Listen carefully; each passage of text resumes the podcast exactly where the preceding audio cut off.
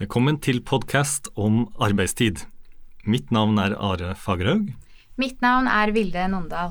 Arbeidstidsreglene finnes i arbeidsmiljølovens eh, kapittel 10.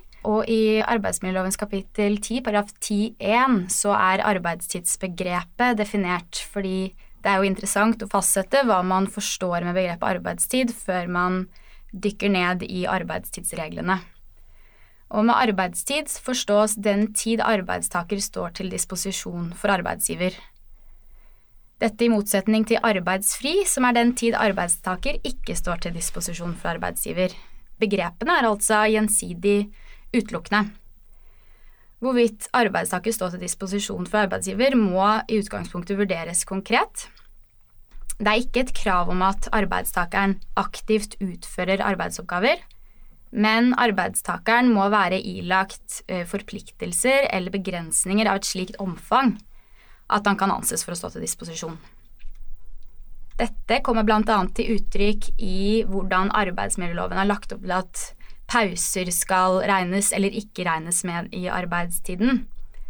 Um, pauser skal regnes som arbeidstid dersom arbeidstakeren ikke fritt kan forlate arbeidsplassen eller hvis det ikke finnes tilfredsstillende pauserom som arbeidstakeren kan disponere pausen i.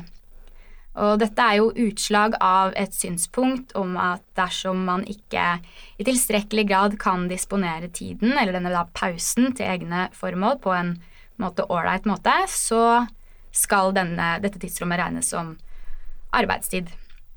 Det har vært en utvikling de siste årene i EU-domstolen når det gjelder forståelsen av arbeidstidsbegrepet, og det har vært mye diskusjon rundt hvorvidt dette har utvidet arbeidstidsbegrepets anvendelsesområde. Vi skal ikke gå inn på denne diskusjonen her, men Høyesterett kom i vår til at en politimann som reiste til og fra spesialoppdrag, og på reisen var ilagt en rekke eh, forpliktelser eller begrensninger på sin mulighet til å benytte tiden til egne formål, Høyesterett kom til at vedkommende var i arbeidstid på denne, eh, på denne reisen.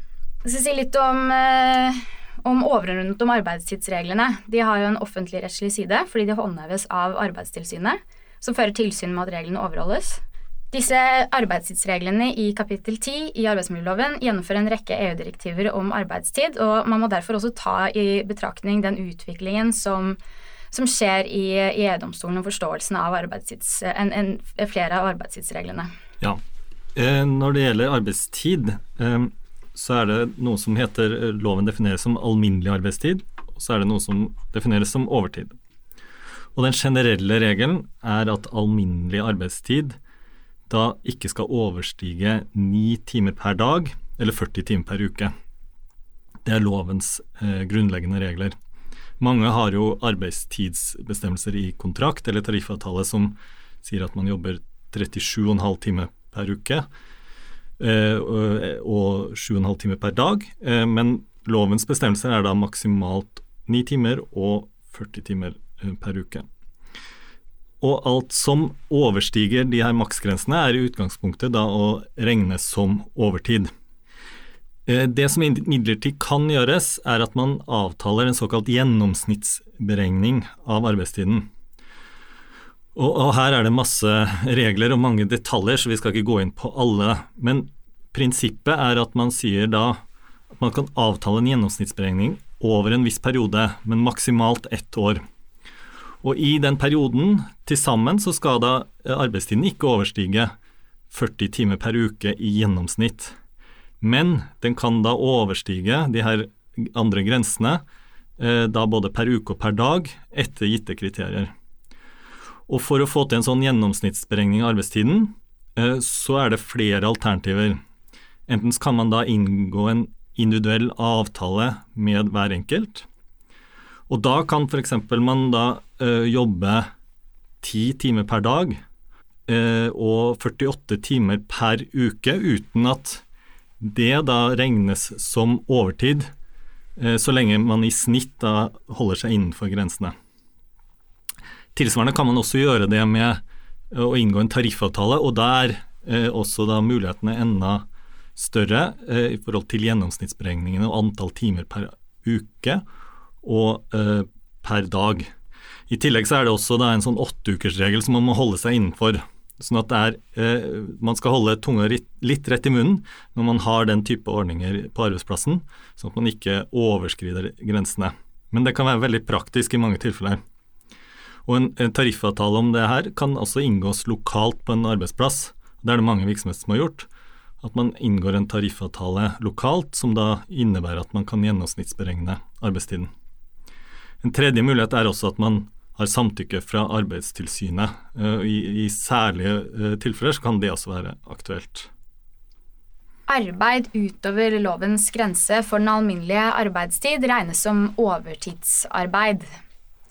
Og overtid skal bare skje ved særlige og tidsavgrensede behov, og det skal ikke legges opp til en fast ordning med overtid. Det er det ikke adgang til.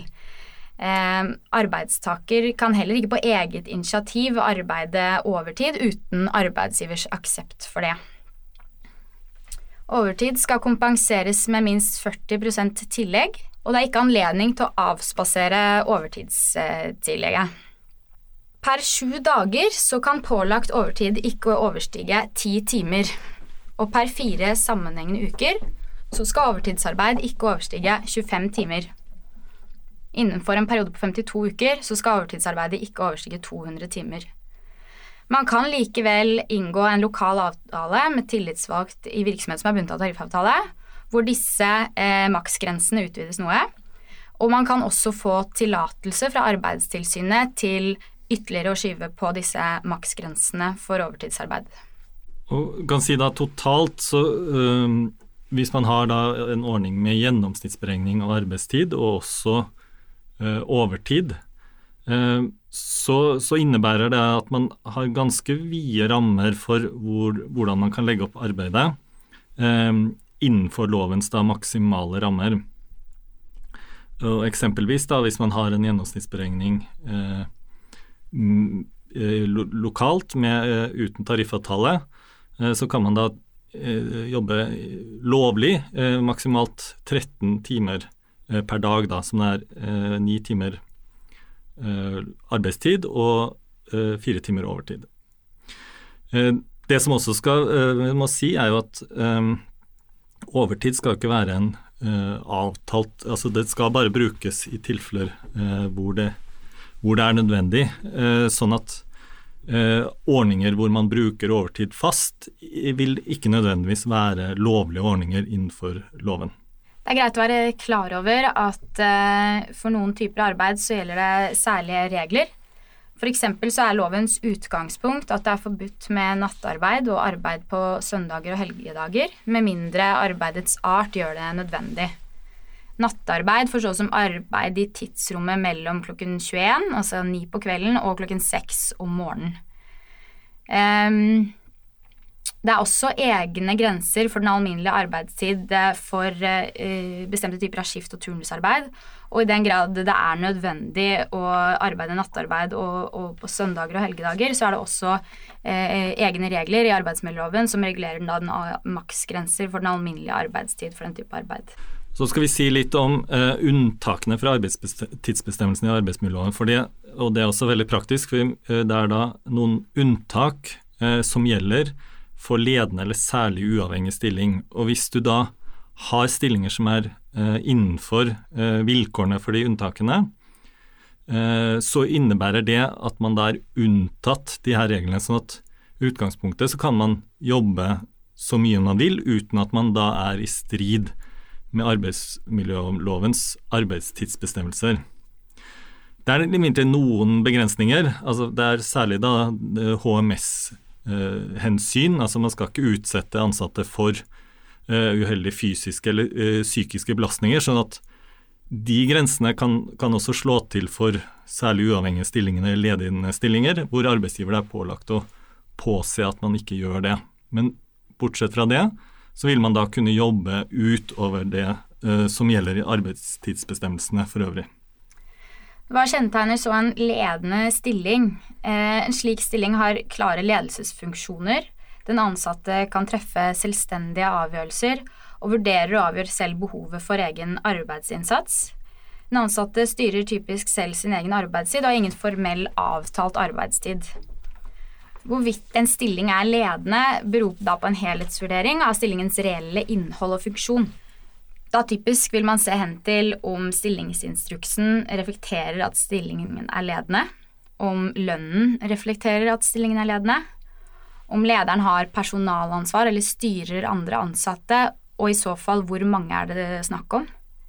Det er også relevant å se hen til om den ansatte har budsjett- og resultatansvar, og hvem uh, den ansatte rapporterer til, og hvor mye den ansatte er underlagt styring og kontroll fra sine overordnede. Man kan også se hen til stillingstittel, men det vil ikke være et særlig tungtveiende moment, fordi det er jo det reelle innholdet i stillingen som vil være avgjørende. Det andre unntaket eh, gjelder da for særlig uavhengig stilling. Og, det her er da ansatte som da ikke har utpregede lederfunksjoner, men likevel har ofte overordnede og ansvarsfulle oppgaver.